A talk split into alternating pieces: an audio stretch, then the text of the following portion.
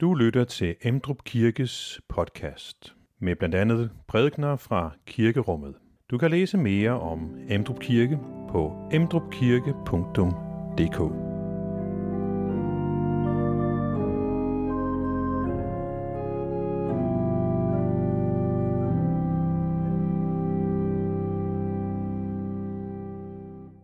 I dag er vi kommet til anden søndag efter Hele Tre Konger.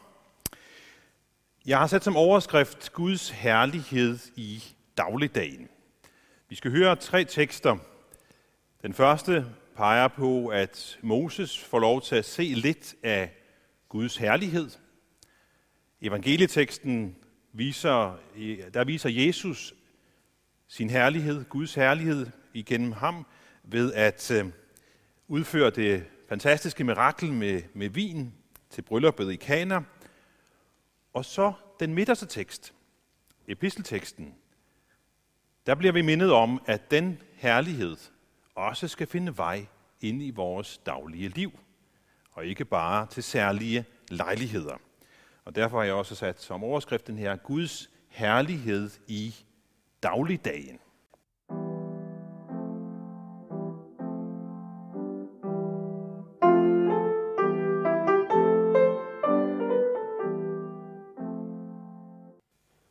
Dette hellige evangelium skriver evangelisten Johannes. Den øh, tredje dag var der bryllup i Kana i Galilea. Og øh, der var Jesu mor med.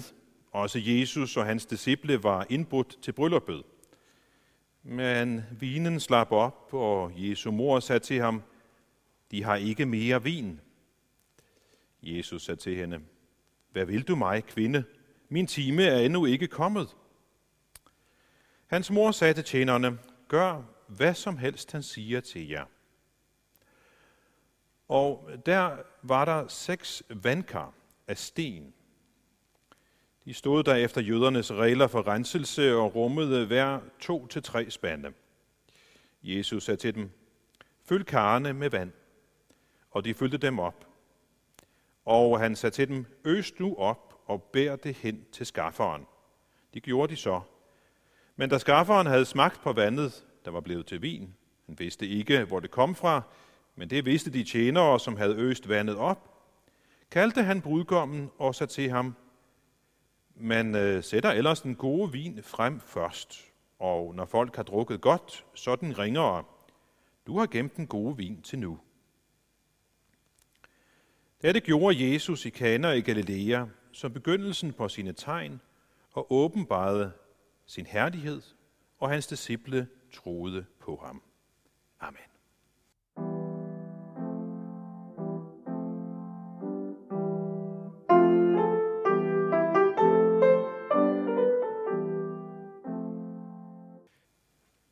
Kan det ses eller mærkes på dig, kan det ses eller mærkes på dig, at du har været til gudstjeneste?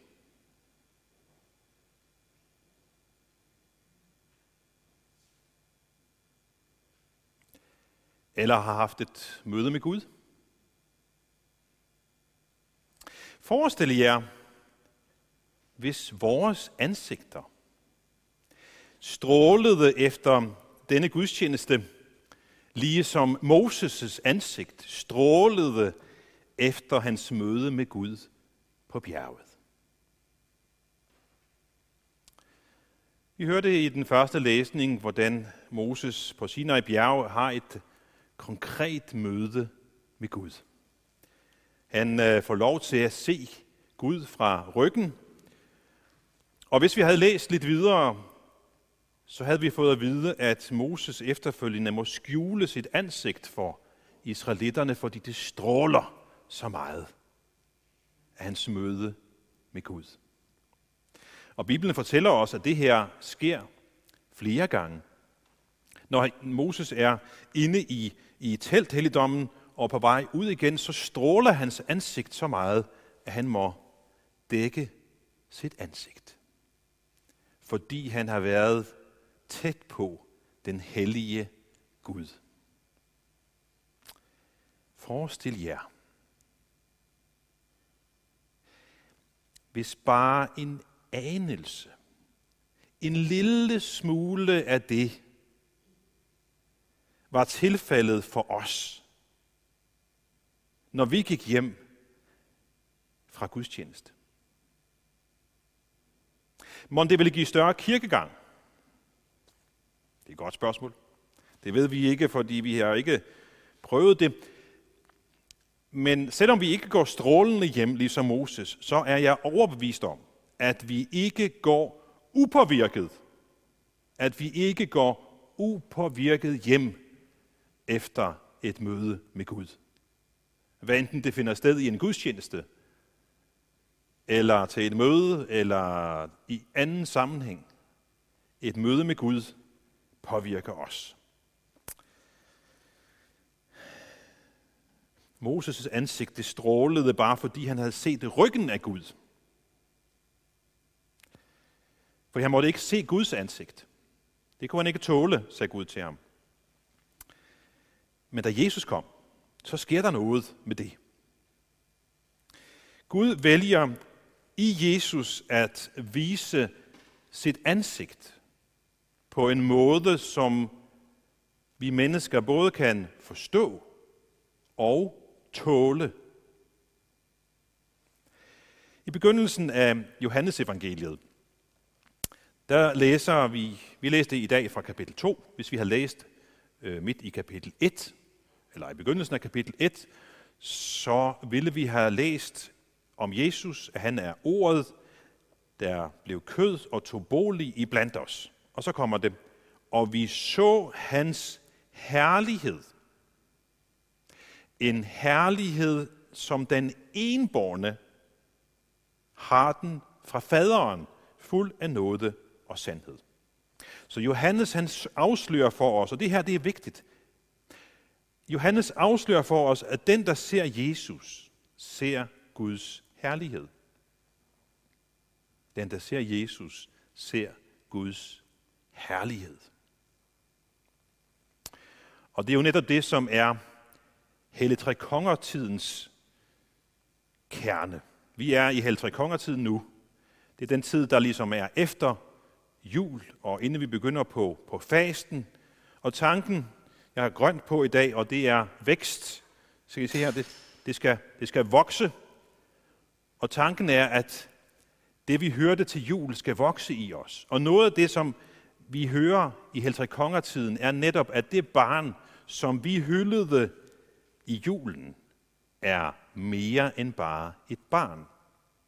Det er Gud selv, der er blevet menneske, for at vi skal se ham, se hans herlighed og forstå, hvem og hvordan han er. Ser vi på beskrivelsen af det nye testamente, i det nye testamente af Jesu liv, så, så er der ikke så meget åbenbaring over en stor del af hans liv, faktisk den største del af hans liv. Vi hører om, han bliver født, vi hører om, han bliver omskåret, vi hører, at han er som 12 år i templet. Men, øh, men ellers får vi indtryk af, at Jesus som barn og som ung og i 20'erne lever sådan et rimeligt almindeligt menneskeliv. Han ser ud til at få lært et øh, håndværk. Han er med i sin families dagligdag, også i det religiøse liv. Så i cirka 30 år sker der ikke særlig meget i Jesu liv. Han lever i dagligdagen. Men må ikke der var et drøb af Guds herlighed, også i de 30 år? Vi har ikke beskrivelser af det,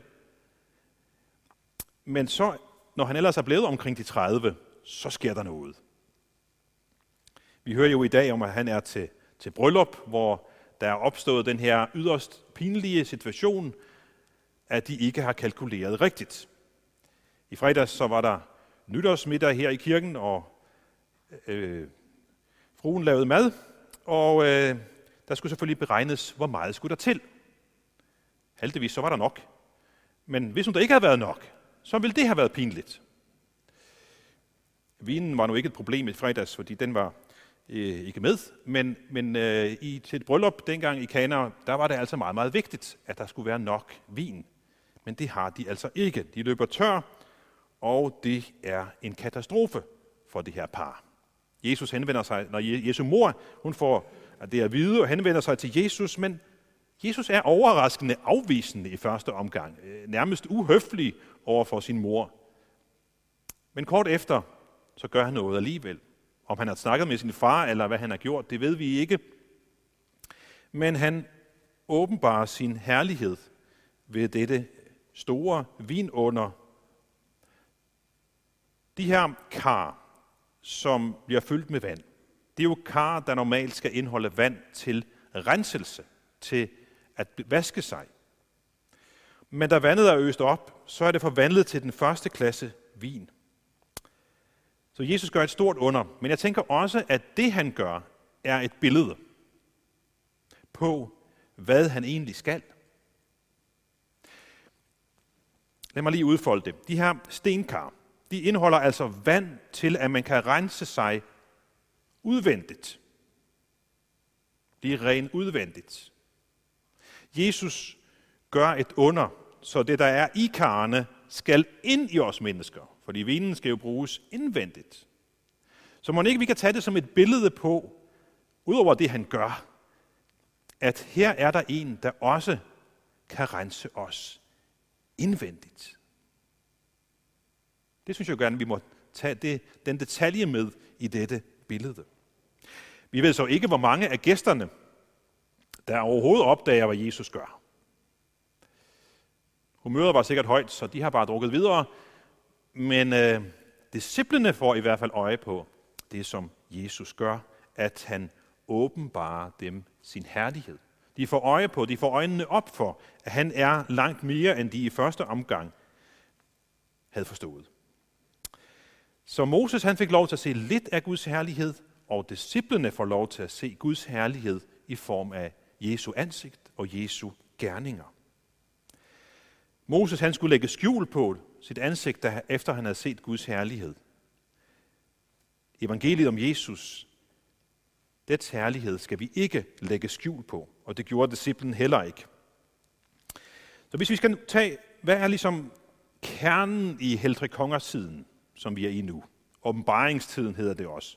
Med et meget, meget fint ord, så hedder det epifanitiden. Altså at Gud viser mere og mere, hvem han er. Så kan man sige, at hvis vi skulle samle det op som en, ligesom, hvad er ligesom bundlinjen? Det er, Jesus er Guds herlighed gjort kendt i et menneskeliv. Jesus er Guds herlighed gjort kendt i et menneskeliv. Eller, som vi hørte det juledag i øh, epistellæsningen, at Jesus er Guds herligheds glans og hans væsens udtrykte billede. Guds herlighedsglans og hans væsens udtrykte billede. Nu har vi haft fat i den første læsning fra Mosebogen. Vi har haft fat i den sidste læsning, evangeliet. Nu mangler vi det, der var i midten, epistellæsning. Altså læste for os fra Romerbrevet, kapitel 12. I de første mange kapitler af Romerbrevet, så har Paulus været i gang med at udfolde evangeliet. Hvad betyder det at tro på Gud? Det er den kristne tro, han har udfoldet. Og nu går han så over til, i kapitel 12 deromkring, til at udfolde de mere praktiske sider. Man kan sige det kristne liv. Så Paulus har været i gang med det kristne, den kristne tro, og nu kommer han til, den, til det kristne liv. Man kan måske kode det lidt sammen og sige, at øh, det som Paulus vil sige er, når I nu er blevet kristne, når I nu har fået øjnene op for Guds herlighed, så skal det gerne kunne ses i jeres liv. Altså, når nu I har set Guds herlighed, skal det gerne kunne ses. Set, ses.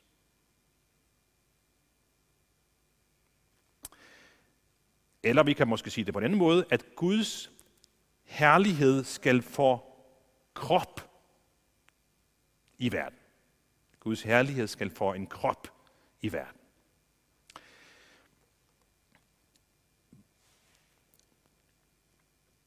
Så dem, som har fået øjnene op for Jesu herlighed, Guds herlighed, også giver det videre. Og Paulus han beskriver i første omgang, øh, hvordan det her kristne fællesskab skal være. Vi er kristi læme her i verden, og så beskriver han først livet i menigheden. Det var et stykke, vi ikke læste, men vi kunne have læst. Derfor tager jeg det lige med nu. Vi har forskellige nådegaver, siger han, alt efter den nåde, vi har fået. Den, der har profetisk gave, skal bruge den i overensstemmelse med troen. Den, der har en tjeneste, skal passe sin tjeneste. Den, der underviser sin undervisning. Den, der formaner sin formaning. Den, der giver, skal give rundhåndet. Den, der er forstander, skal være det med iver. Og den, der øver barmhjertighed, skal gøre det glad og gerne. Vi får altså beskrivelsen af, at den kristne menighed, den skal fungere. Og at der er forskellige tjenester i den kristne menighed. Og det kender vi jo også, både de lønnede og, og de ulønnede tjenester. Og også ved en gudstjeneste som i dag, er der jo mange forskellige tjenester. I dag er der en, der er i gang med at blive oplært i sin tjeneste. Bjørk sidder her på forreste bænk, fordi hun sammen med Christian er ved at blive oplært til netop den rolle, som, som kordegnen har øh, under en, en gudstjeneste. Og øh, sådan er der masser af tjenester rundt omkring i sådan en gudstjeneste. Der er sanger og nogen, der skal sidde med computeren. Hvis ikke at Hans Christian øh, havde styr på sine slides, så ville de brokke jer. Men når det kører bare, så tænker jeg ikke over det. Men der sidder jo en og betjener det hele tiden. Og Navid, du har jo lavet skøn kaffe til os øh, efterfølgende. Det glæder vi os til. Og Samuel og Malvisa står og synger, og violer spiller. Øh, øh, ja, mange forskellige tjenester. Philip han sidder jo også der med sin kirketjenerrolle, og siger, at hun tog imod. Og ja, vi er rigtig mange mennesker, som skal til denne tjeneste. Er der måske en tjeneste for dig, som du ikke er gået ind i endnu? Det kan du overveje. Og så kommer Paulus til det næste. Det er, at han beskriver menighedens liv, det liv, som også gælder både indvendigt og udadtil. Og det var den tekst, jeg, vi hørte, og jeg tillader mig lige at tage den igen. Kærligheden skal være oprigtig. Afsky det onde, hold jer til det gode, vær hinanden hengivende i broderkærlighed, kappes om at vise hinanden agtelse, vær ikke tøvende i jeres iver, vær brændende i ånden, tjen Herren, vær glade i håbet, udholdende i trængslen, vedholdende i bønden. Vær med til at hjælpe de hellige, når de har behov for hjælp. Læg vægt på at være gæstfrie. Velsign dem, der forfølger jer. Velsign og forband ikke. Glæd jer med de glade, græd med de grædende. Hold sammen i enighed. Stræb ikke efter det høje, men hold jer til det lave. I kan måske fornemme, hvorfor vi sang den sang. Vi sang lige før prædiken. Netop formuleringen græd med de grædende var med i denne sang og meget af det, der også kommer til udtryk i denne tekst. Men er det en særlig øh, kristen tekst, det her? Kunne man have sagt det, hvis det ikke var en kristen sammenhæng? Det meste af det, der står her. Det, at vi skal være gode naboer, have omsorg for hinanden og være gæstfri, øh, og holde sammen og ikke stræbe efter luftkasteller, det er jo sådan set ret almindeligt. Men det er også det, der forventes af os som kristne her på jorden. Som Jesu leme, som Guds herlighedskrop her i verden. Jesus var kærlig, det skal vi være. Han bød folk ind, det skal vi gøre. Han var god mod alle, det skal vi være. Og det var netop den måde, at Jesus viste Guds herlighed på det meste af tiden. Kigger vi i det nye testamente, så lægger vi mærke til, at Jesu tegn og mirakler fylder meget i evangelierne. Men tiden uden tegn og mirakler fyldte også rigtig meget i Jesu liv. Også der viste han Guds herlighed. Og det var derfor, jeg havde sat som overskrift i dag, Guds herlighed i dagligdagen. Det var også i Jesu almindelige dagligdag med disciplene og alle andre, som de mødte, at han var Guds væsens udtrykte billede. Disciplene så Guds herlighed i ham hver dag. Selvom selvfølgelig under som dette, vin til vand, undskyld, vand til vin, øh, på en særlig måde pegede på, at Jesus var noget særligt. Men jeg tror også, at Paulus, med den tekst vi læste, vil hjælpe os til at leve hverdagens helt almindelige liv i tillid til Gud, og i dagligdagen få øje på og glæde os over Guds herlighed, mens vi passer vores arbejde, mens vi er omsorgsfulde, mens vi er gode naboer osv. Hvis vi spoler tiden 500 år tilbage, før reformationen, så, så var det meget almindeligt at tænke, at hvis man gik i kloster, så levede man et liv, der var nærmere Gud, end hvis man bare var almindelig. Som på en måde var, var Guds herlighed reserveret til dem, som trådte lidt ud af denne verden. Ud af det almindelige liv med ægtefælle og børn og arbejde og naboskab osv. Men det gik Martin Luther imod. Og slå fast, at det ikke var mere fromt at være munk, end at være bager eller skomager. Guds herlighed er ikke reserveret til, til mennesker, som forlader denne verden. Guds herlighed er netop til for os mennesker i denne verden. Guds herlighed er til for os midt i Emdrup, eller hvor vi nu er.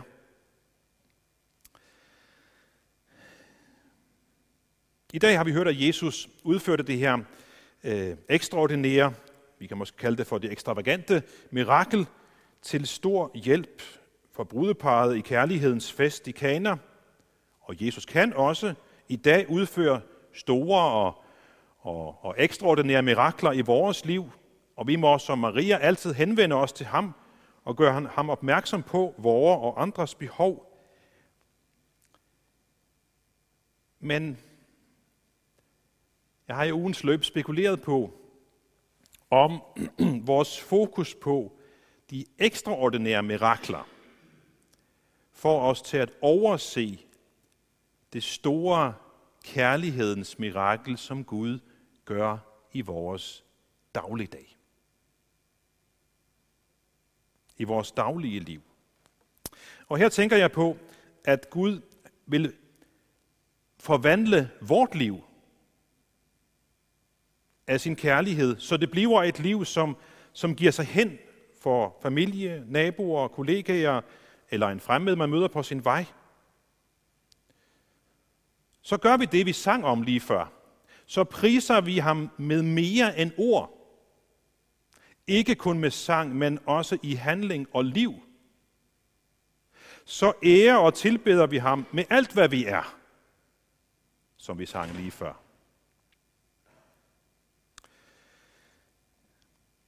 Jeg er overbevist om, at de mennesker, som gennem en kristen møder Guds kærlighed og omsorg, at de mennesker de kommer til live på en særlig måde, som forhåbentlig også hjælper dem til at komme til live i deres forhold til Gud. Gud, han blev, Gud, han blev menneske i sin søn. Og Guds søn levede en stor del af tiden et ganske almindeligt menneskeliv. Og derved viste han også, at det er det helt almindelige menneskeliv. Det er helt almindelige menneskers liv, som han vil på banen i. Og kommer Gud på banen i vores liv, jamen så er det som at få den bedste vin, der findes. Kommer Gud på banen i vores liv med al sin herlighed og kærlighed, jamen så forvandles vores liv.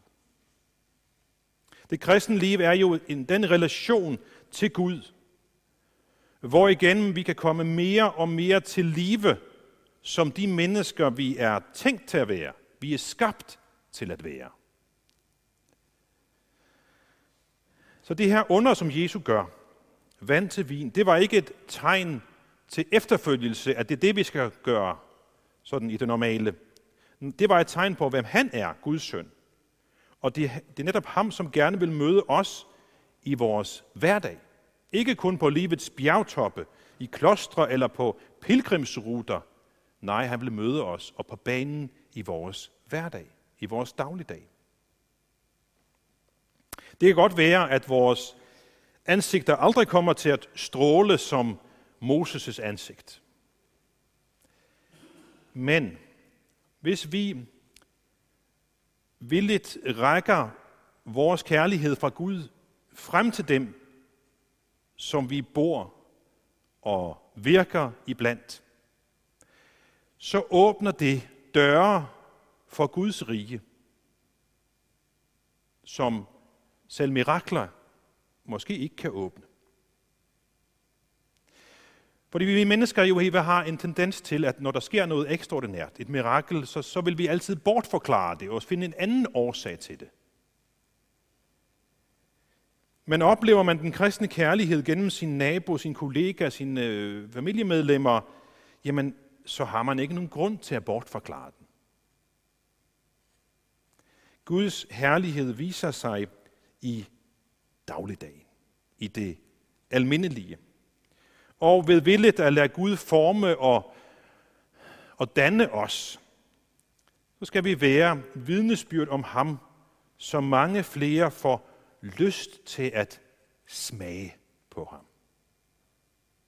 At smage på ham. Og enhver, der smager på Gud, vil opleve, og hvis vi skal bruge billedet fra, fra i dag, at den vin, som Guds rige hælder op, den vin, den overgår alt andet. Den Gud, der har vist sin herlighed i sin søn, han er også til stede her i blandt os i dag. Og så står der et spørgsmål tilbage. Har du fået øje på det? Har du fået øje på det? At Guds søns herlighed også er iblandt os i dag. I vores ganske almindelige gudstjeneste, i en januarmåned, som har været enormt våd, og det har regnet, og, vi, og nu skinner solen heldigvis lidt igen. Har du fået øje på, at også i dag, 15. januar, at Guds herlighed iblandt os? Jo mere du får øje på det, jo større sandsynlighed er der måske for, at der er en lille stråle fra ansigtet, når du går hjem. Måske.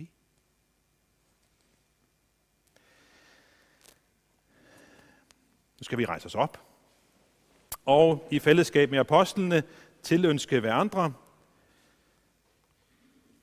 hvor Herres Jesu Kristi nåde, Guds kærlighed og Helligåndens fællesskab være med os alle. Amen.